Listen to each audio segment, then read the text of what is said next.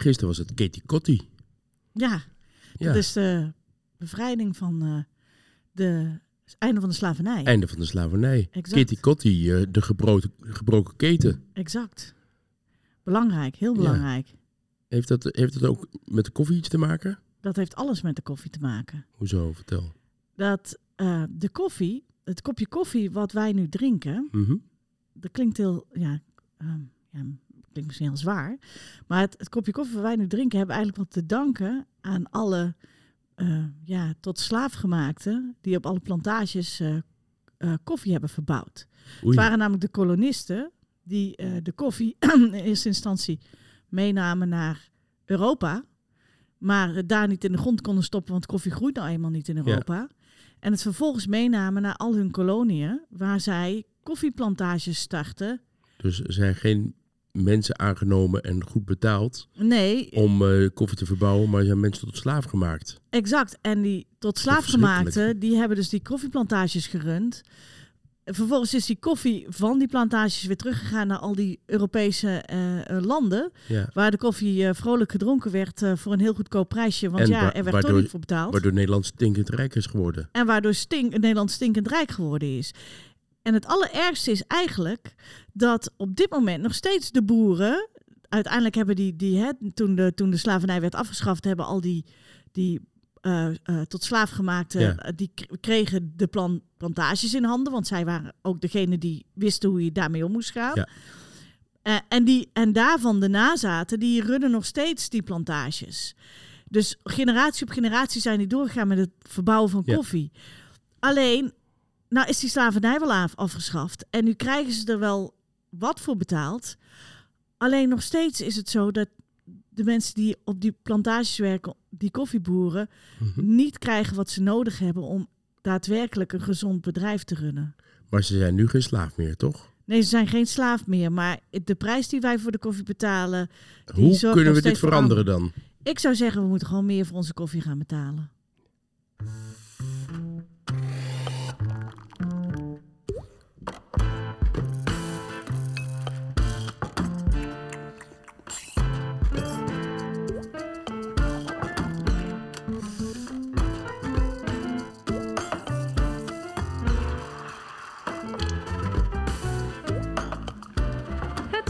Koffiecollege, de podcast waarin je alles leert over koffie.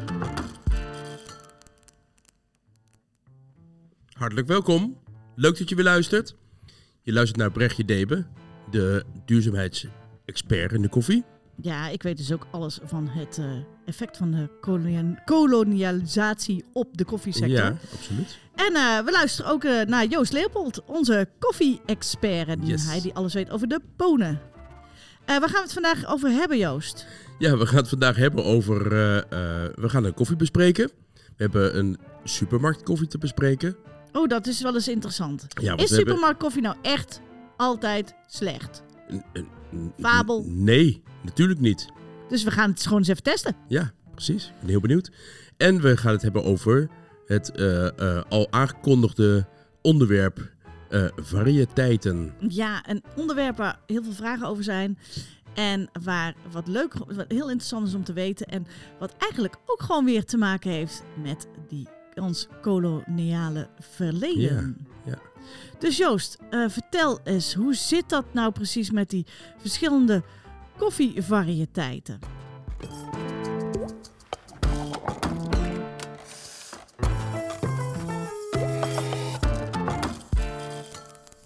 Als je een lekker flesje wijn koopt, dan kan je kiezen. Witte wijn, rode wijn, roséwijn. En binnen elke soort kan je ook nog weer kiezen voor Merlot of Cabernet of Chardonnay of Sauvignon. Allerlei verschillende aanduidingen. We vinden dat heel normaal om op die manier wijn te kiezen. Maar ook in koffie onderscheiden we vergelijkbare ondersoorten, alleen is dat veel minder bekend. De twee hoofdvariëteiten, welke wel heel bekend zijn, is Arabica en Robusta. Zo'n 60% van de verbouw wereldwijd is Arabica koffie en 40% is Robusta. Er zijn nog andere hoofdvariëteiten, maar eigenlijk doen deze commercieel gezien niet mee. Ik vergelijk variëteiten vaak met dieren. Honden en katten zijn beide viervoeters, Maar katten en honden verschillen heel veel van elkaar en binnen het hondenras is net zo'n diversiteit te vinden als binnen het kattenras. Binnen de variëteiten Arabica en Robusta zijn het juist de subvariëteiten die het verschil kunnen maken. Van de hoofdvariëteiten Arabica en Robusta zal je Arabica het meest tegenkomen. Niet alleen omdat deze meer verbouwd wordt, maar omdat ook deze van de twee de meest uh, de, de smaakmaker is. Je vindt de meeste complexiteit in smaken binnen de Arabica koffie. Van de Arabica plant zijn er drie belangrijkste subvariëteiten te onderscheiden. Als eerste de allereerste soort die verspreid is naar Indonesië door de Nederlanders, de typische koffieplant genaamd Coffea arabica typica. Deze variëteit is niet alleen naar Indonesië gebracht, maar ook uh, door de kolonisatie, daar hebben we het al, uh, in Suriname terechtgekomen. De typica heeft rode bessen wanneer deze rijp is. De andere belangrijkste subvariëteit is de Bourbon, welke door de Fransen gecultiveerd is op het kleine eiland nabij Madagaskar, genaamd Réunion, wat vroeger bekend stond als Bourbon. We kennen daar nog steeds vanille de Bourbon van en misschien wel de cognac. Misschien komt die ook wel van oorsprong daar vandaan, maar dat weet ik niet per se. Uh, het bijzondere aan de Bourbon is dat de bessen vooral uh, veelal geel worden wanneer ze rijp zijn. Deze bourbon, Bourbon, is via kolonisatie terechtgekomen in Martinique, een klein eiland bij Brazilië. Een Franse gouvernante werd verliefd op een Portugese handelsreiziger die de plant in een boeket van haar kreeg en zo de plant meenam naar Brazilië. De plant verdorde, hij gooide de plant bij het groenafval, of gewoon gooide weg. Inmiddels is Brazilië het hoogst producerende koffieland ter wereld. En de meest voorkomende koffiesoort daar is de Bourbon. En dan wordt hij genoemd de Yellow Bourbon. Uh, bekend om de gele bessen wanneer die rijp is. De derde meest belangrijke subvariëteit binnen de Arabica is er één die eigenlijk heel veel subvariëteiten verzamelt. Koffie van het herkomstgebied. Heirloom. H-E-I-R-L-O-O-M. Alle andere subvariëteiten zijn kruisingen en afstammelingen van de drie belangrijkste subvariëteiten. Je kan hier meer over lezen in onze show notes. Waar de subvariëteiten vandaan komen en welke kruisingen het zijn, heeft vooral te maken met de kolonisatie. Zo is de Bourbon vooral in Centraal- en Zuid-Amerika te vinden en is de Typica met name te vinden in Indonesië en sommige landen in Centraal-Amerika. Enkele interessante subvariëteiten zijn bijvoorbeeld de Margogipe, de olifantenbonen, met boontjes zo groot als duimnagels, nou bonen dus eigenlijk. En de Katura en Katuai zijn ook interessante planten, want dat zijn juist dwergplantjes die niet groter worden dan anderhalve meter. Heel handig in de verbouw, omdat koffieplanten soms wel 10 meter hoog kunnen worden. Het, de allerkleinste koffiebonen zijn iets groter dan een speldenknop. Echt bizar om te zien, zo klein. De mokka-boontjes uit Jemen. Het kruisen van subvariëteiten doen koffieboeren al jaren. Vooral om de, om de koffie weerbaar te maken. Weerbaarder tegen invloeden van buitenaf. Zo is de bourbon, bourbon, resistenter dan de typica. En de meest resistente soort die we op dit moment ontwikkelen is de F1 hybrid.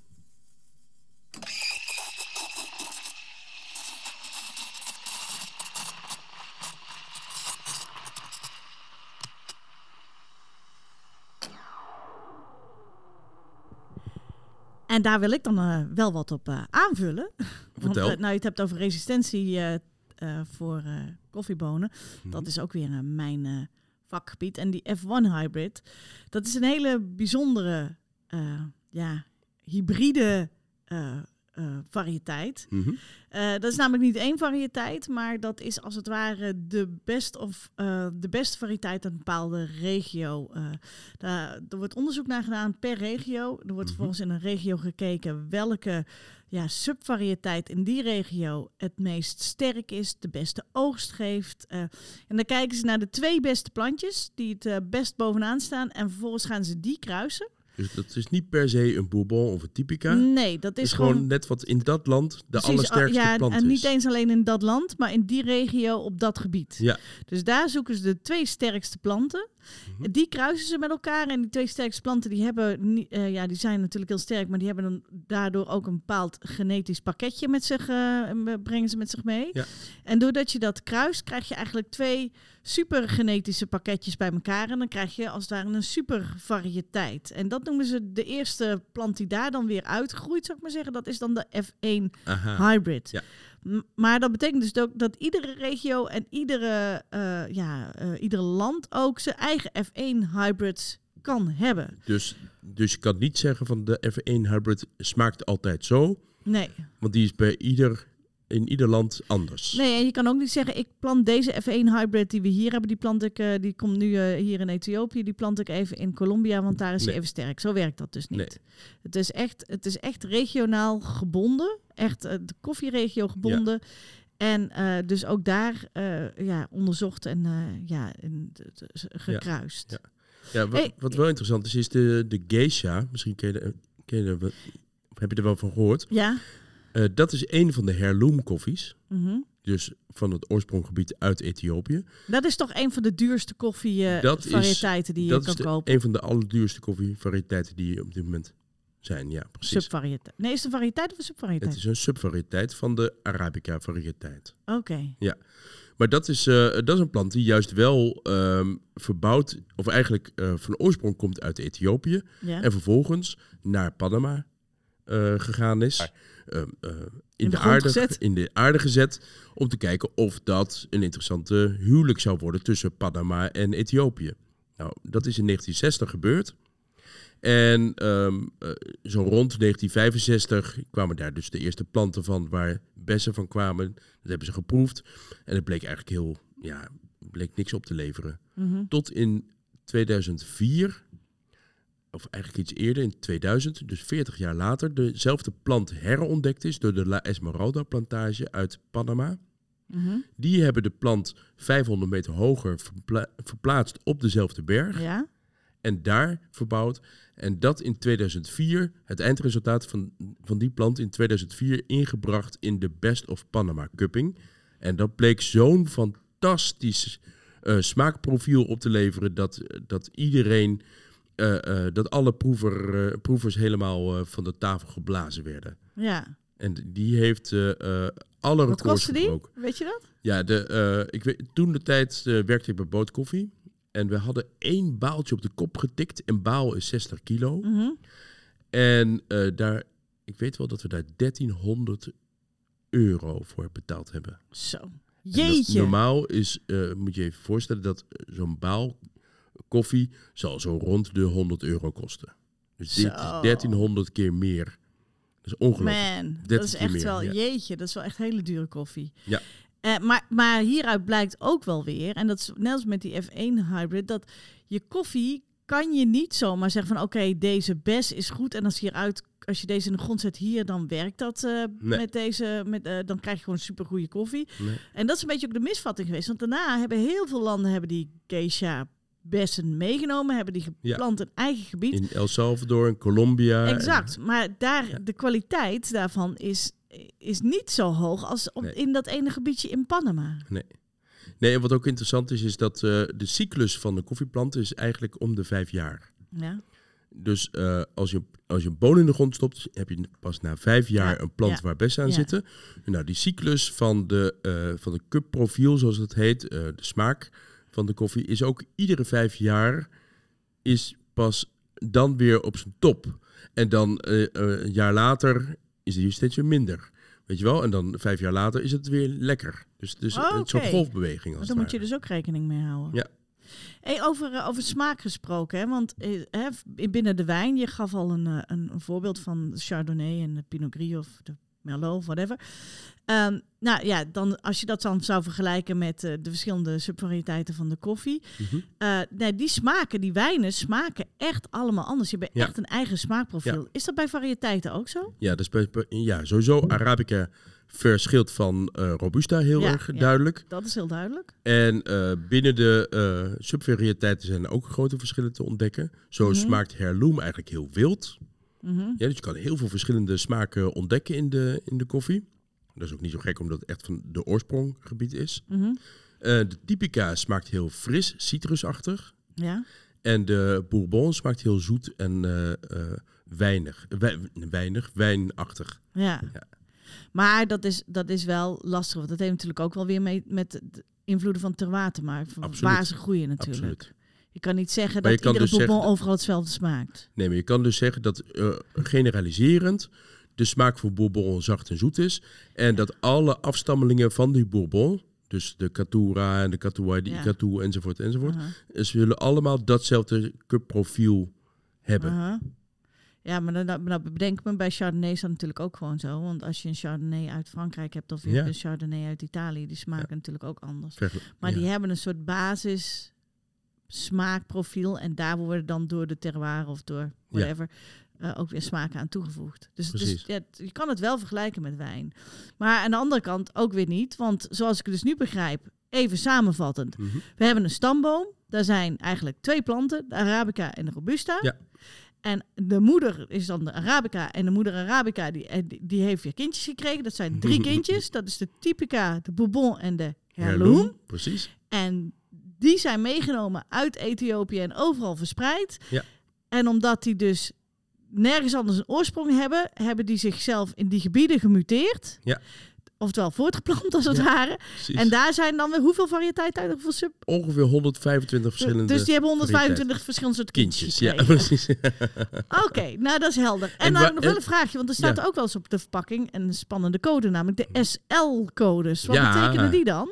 SL is ook een variëteit van, ik dacht de Typica of de Bourbon. Maar ja. een subvariëteit, precies. Eh, SL staat voor Scott Labs. Scott Labs. Dus laboratorium in Kenia waar variëteiten zijn gekruist om op die manier resistentere eh, eh, soorten te ontwikkelen. Oh, Oké. Ja. Dus die zijn echt in een laboratorium Ja. ontstaan. Eh, meest, be- meest bekende eh, SL28 en SL34. Oké. Ja, spannende namen, hè? Ja. Heel spannend inderdaad. Wat, wat wel interessant is, is eh, eh, Arabica hebben we het de hele tijd over eh, met alle variëteiten. Binnen Robusta zijn veel minder variëteiten bekend. Weet je waarom dat is? Nee? Omdat Robusta eigenlijk veel later ontdekt is dan Arabica. Oké. Robusta is ontdekt in de 20e eeuw, begin 20e eeuw. En Mhm. Arabica is ontdekt, eh, eh, eh, ehm, eh, of eigenlijk door de kolonisatie, verspreid over de wereld in de ze- 17e eeuw. Dus 300 jaar eerder dan dat. Oké. En omdat er eh, in de 20e eeuw veel, min- veel minder koloni- kolonisatie was, hebben we dus ook veel minder verspreiding eigenlijk van de Robusta. Oké. Ja, en Robusta is denk ik ook qua smaakprofiel redelijk gelijk. Dus ik denk ook dat dat Ja. minder interessant is Minder interessant, om, om ja. dat te achterhalen. Ja, klopt. Oké, nou ik, eh, ik weet eh, nu best Iets wel... meer? Ja, best wel veel meer van... Mooi. eh, van eh, En ik weet veel meer van die F1 Hybrid. Ook interessant. nou, nou, precies, zo, zo leren wij elkaar eh, continu eh, extra dingen bij. Eh, dus eh, ja, ik ben ook heel benieuwd naar eh, de koffie die wij eh, zo gaan eh, drinken.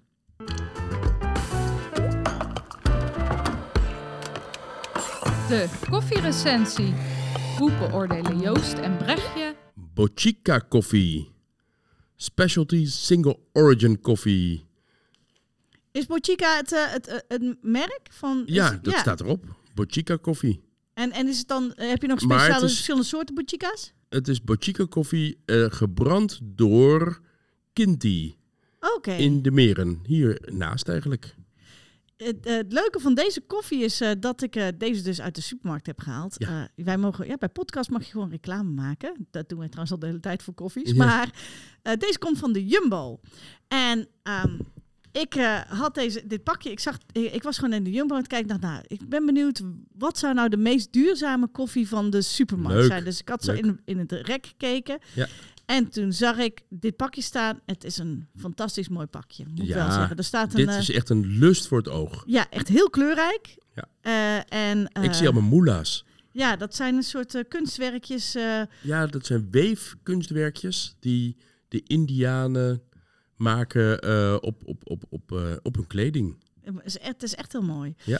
En eh, nou ja, ik zag deze dus staan. De prijs was er ook naar. Hij was 6 euro. En het is 250 gram. Toen Ja, dacht ik, nou, eh, als dit Voor eerlijke supermarktkoffie ja, is dat flink. precies, voor een supermarktkoffie is dat behoorlijk duur. En ik zag dat er een Fairtrade label op staat. Dus Ja. ik dacht, wij gaan deze beoordelen. Ik Leuk. beoordeel eh, de koffie op het gebied van duurzaamheid dus. Wat staat er op de verpakking? Hoe kan ik teruglezen of deze duurzaam, ecologisch, sociaal en economisch duurzaam is? En wat ga jij eh, doen met Ja. deze koffie, Joost? Nou, ik, ik, ik beoordeel me eigenlijk eh, zoals ik ook de andere koffies eh, eerder heb beoordeeld. Vooral op smaakprofiel. Ja. En of de bereidingswijze zoals verteld wordt op de verpakking geschikt is. Of past bij de bereidingswijze zoals we die gaan doen. En over de versheid van de koffie. Als we kijken naar de duurzaamheid. Wat, wat zie je op de verpakking? Wat heeft te maken met duurzaamheid? Nou ja, er, er staat eigenlijk van alles op. Allereerst eh, valt het Fairtrade logo op. Aan de voorkant staat eh Fairtrade en er staat zelfs daarnaast Bochica. Ja, zeg jij Bochica of Bochica? Geen idee. Eh, nou, en er staat Direct Trade. De koffie komt uit Colombia. Dus het is Fairtrade en Direct Ja, Trade. en er staat Direct Trade op, precies. En er staat, qua, achterop staat een heel verhaal. En er staat onder andere op dus dat hij uit Colombia komt. En eh, dat, ze, dat het van 200 verschillende koffieboeren komt. Mhm.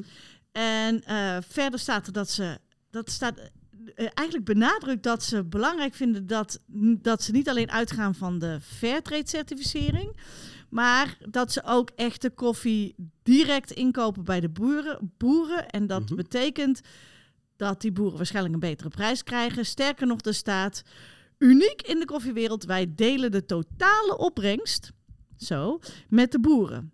Wauw, totale opbrengst. De totale opbrengst Hè? ja, dat vroeg ik me ook af. Eh, daar stel ik dan nog wel wat vraagtekens bij. Want dan denk ik, wat bedoelen jullie daar? Wel, welk, deel, mee? welk deel gaat dan aan de boeren? Ja, en, en ja, precies. Is want dat- je kan het wel delen, maar 50-50 of is dat... eh, precies. Delen we het eerlijk door tweeën? Of Ja. krijgt de een een beetje meer dan de ander? dat, dat weet ik verder ook Oei. niet. Eh, maar hij is wel echt 100% fair trade. Staat ook op de achterkant. En ja, ik ben ik niet als ik niet eventjes op de website kijk.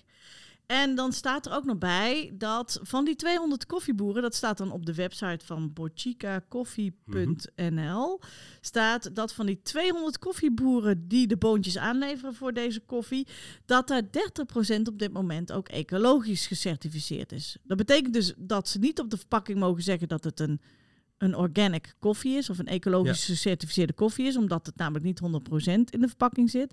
Maar 30% van de koffie die in dit pakje zit, of in ieder geval in de koffie die geproduceerd wordt, mhm. is dus ecologisch gecertificeerd. Dus dat Ehm, betekent dat we te maken hebben met een blend. Ja, ik denk wel, want het zijn 200 verschillende boeren. Dus ik denk gewoon één corporatie waar Ja. 200 boeren hun zakken in leveren. En daar wordt het gewoon gemixt. weet, je en, weet niet wat waar... Maar ik weet niet van welke plantage zal voldoen aan het Nee. eco-certificaat. Nee. Ehm, en verder had ik even op de verpakking gekeken of de verpakking ecologisch afbreekbaar is. Oh ja. En dat stond niet op de verpakking. Ik dacht altijd dat je dat er wel Even op kijken, moet zetten. Zie jij het ergens? Ik heb het niet ik zien zie staan. een barcode. Ik zie eh, van alles over Bochica. Even kijken. Staat Nee, er staat op- niks. sta- Maar op hun website, nogmaals, op hun website staat dan wel weer dat de verpakking biologisch afbreekbaar is. Ja. En er staat ook dat zij naast deze koffiebonen in een zakje ook koffie in cupjes verkopen, in van die Mm. Nespresso cupjes. En daar gebruiken ze wel echte Nespresso cupjes. Maar, en dat vond ik eigenlijk best wel goed, ze geven toe dat dat niet de meest duurzame optie is. Ze schrijven namelijk op de website, er bestaan namelijk nog geen volledig 100% afbreekbare cupjes voor het Nespresso-apparaat. Mhm. Eh, dus daarom gebruiken we ze niet. Als ze er wel zijn, dan gaan we ze meteen gebruiken. En dat vind ik wel mooi. Ja. Dat is eigenlijk best wel een goede verantwoording. Heel goed. Dus eerlijk gezegd, ehm, als je mij vraagt, wat is nou de tip en top van deze, deze koffie? Mhm. dan vind ik dat hij top is, omdat er echt wel in het verhaal heel veel wordt gezegd over duurzaamheid. Ja. De tip en mijn vraagteken is ook, eh, als je zegt eh, we delen de opbrengst met de boeren, eh, wat is dat dan? Hè, hoeveel krijgen die boeren dan? Dat is niet heel Ja. inzichtelijk. Ik zou het mooi vinden als we dan nog even... Als je dan transparant wil zijn, laat het dan ook gewoon ergens zien. Hè, Ja, wie wat precies. krijgt. En wat ik gewoon heel jammer vind, is dat ik heel weinig terugvind van die boeren. Ik zie ze niet. Mhm. Het verhaal is er, maar ik, ik vind het altijd mooi om ook gewoon Ja. Foto's terug te vinden van plantages en dat. Ik heb inmiddels wel even iets opgezocht op Wikipedia. Ja, Wat Bochica betekent. ja. Bochica is de zonnegod en cultuurheld van de Indianenstammen Chipcha en hun nazaten. Oh, mooi. De Musica in Colombia. Bochica br- bracht beschaving, wetten en onderwees hen de landbouw, metallurgie en andere kunsten. Nou, het is een hele mooie. Nou, daar past de, de koffie qua landbouw en kunsten qua verpakking wel heel goed bij elkaar. Ja, zeker. Maar Joost, ehm, Ja, ik eh, eh, beoordeel natuurlijk op eh, smaak en Ja. branding en je op ervan? versheid. Allereerst, wat ik zie op de verpakking is premium medium roast. Medium roast is dus eigenlijk geschikt voor zowel filter als voor espresso koffie. ja. Rijk en veelzijdig staat erop. 100% Arabica koffiebonen. mhm. Quality coffee staat er nog licht ergens een soort stempel op. Maar eigenlijk staat er niets in over smaken die we terug kunnen vinden in de koffie. Even kijken wat er achterop nog staat. Dus het is een grote verrassing. Nee, achterop staat het ook niet. Er staat meer over Fairtrade enzovoort, maar niet over de smaak die we tegen kunnen komen. Dus het is een grote verrassing. Eh, rijk en veelzijdig. Ehm, Hoe heb je hem gezet? ik heb hem gezet als eh, filterkoffie In? In een Mokka Master. Dat is gewoon zo'n eh, koffiezetapparaat, eh, dat voor degene die dat niet is weten. wel een, eh, Maar dat is, dat is wel echt eh, de, de koffiezetapparaten onder de koffiezetapparaten. Precies, ja. Dus, als jij, dus dat, daar, daar kan je wel hele lekkere Ja. koffie uit krijgen. Precies. Zometeen ga ik daar iets meer over vertellen over de smaak. Eh, eerst even iets over de versheid. Want er staat op... Er staat een eh, branddatum. er staat een branddatum op. Nee, er staat geen branddatum oh op. nee. Er staat een THT-datum op. Tenminste houdbaar tot einde februari 2023. Zo. En, en dan Dat is lang. staat er een code 21 00848 13 uur 54.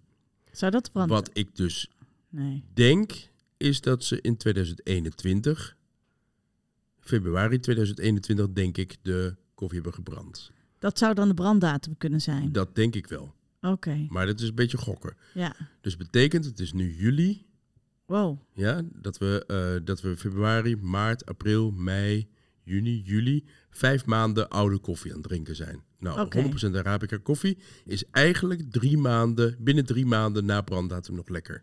Oké. Dus Nou, we gaan het hebben over smaak. ja. En we hebben filterkoffie gemaakt. Ja. En nou ehm, heb ik een kleine uitdaging omdat ik wat verkouden ben en daardoor minder goed kan proeven. Maar jij hebt eh, Ja, ik heb hem al geproefd. wel fantastische maar jij mag, als, jij mag eerst. Ja, ik proef. En wat me opvalt is de aftronk. De aftronk is meteen heel erg naar achteren. Het verdroogt mijn mond. Ik krijg, eh, ehm, ik krijg echt een hele, eh, hetzelfde gevoel als dat ik paracetamol eet. Dus het is een zuurbittere aftronk. Ja. Ik proef niks voor in mijn mond. Het is geen zoetheid. Maar ik ben gelukkig verkouden, dus ik ruik niet wat ik nou proef. Wat, wat proef ik? eh, Nee, ik zal je zeggen, ik, toen ik hem eh, naar de slok nam, is dat ik, ik vind het geen nare koffie, maar het is een koffie waar je van moet houden. Als jij eh, dol bent op Italiaanse koffies, kan ik me voorstellen, echt Italiaans gebrande koffie, dat je Mm. hiervan houdt. Ik mis in deze koffie, eerlijk gezegd, ehm, als ze zeggen het is veelzijdig en rijk, nou, Nou, dat, dat, vind ik niet. Nee. Ik vind hem eh, houtig, rokerig.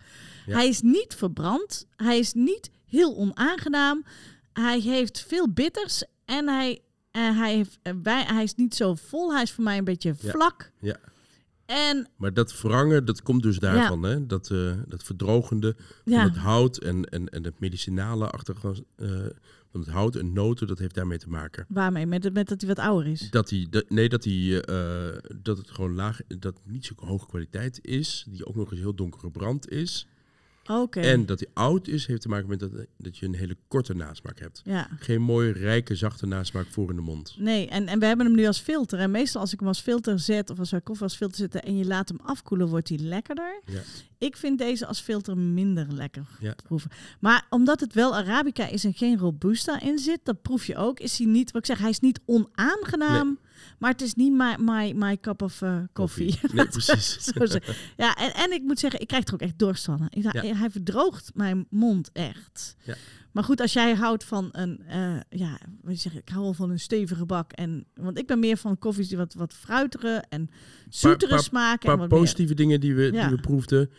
Was eh eh, kruidig, cardamom, kruidnagel, Ja, notig. eh, noten.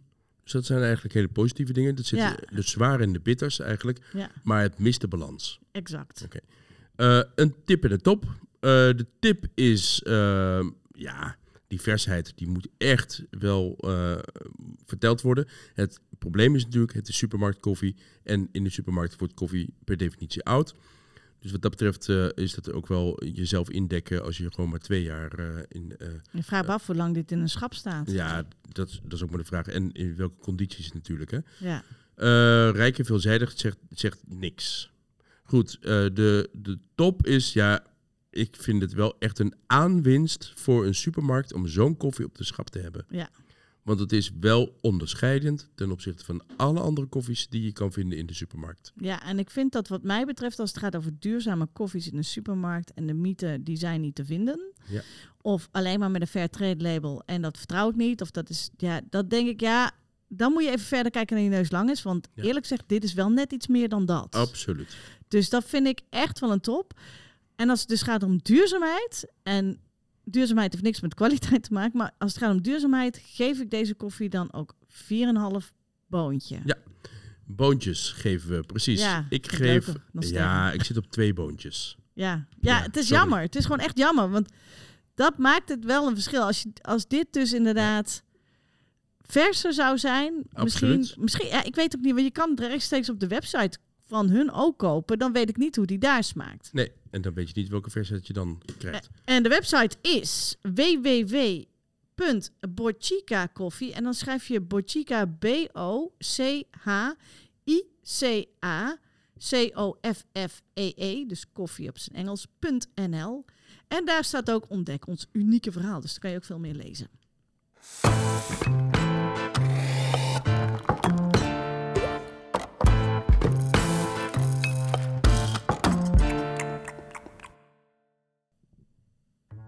Petje af. Ja, wie zet er zijn pet af? Eh, we zijn aan het einde van de uitzending. En eh, wij eh, zouden het leuk vinden als jij lid wordt van onze studentenvereniging. Ja. Via petje.af slash het koffiecollege.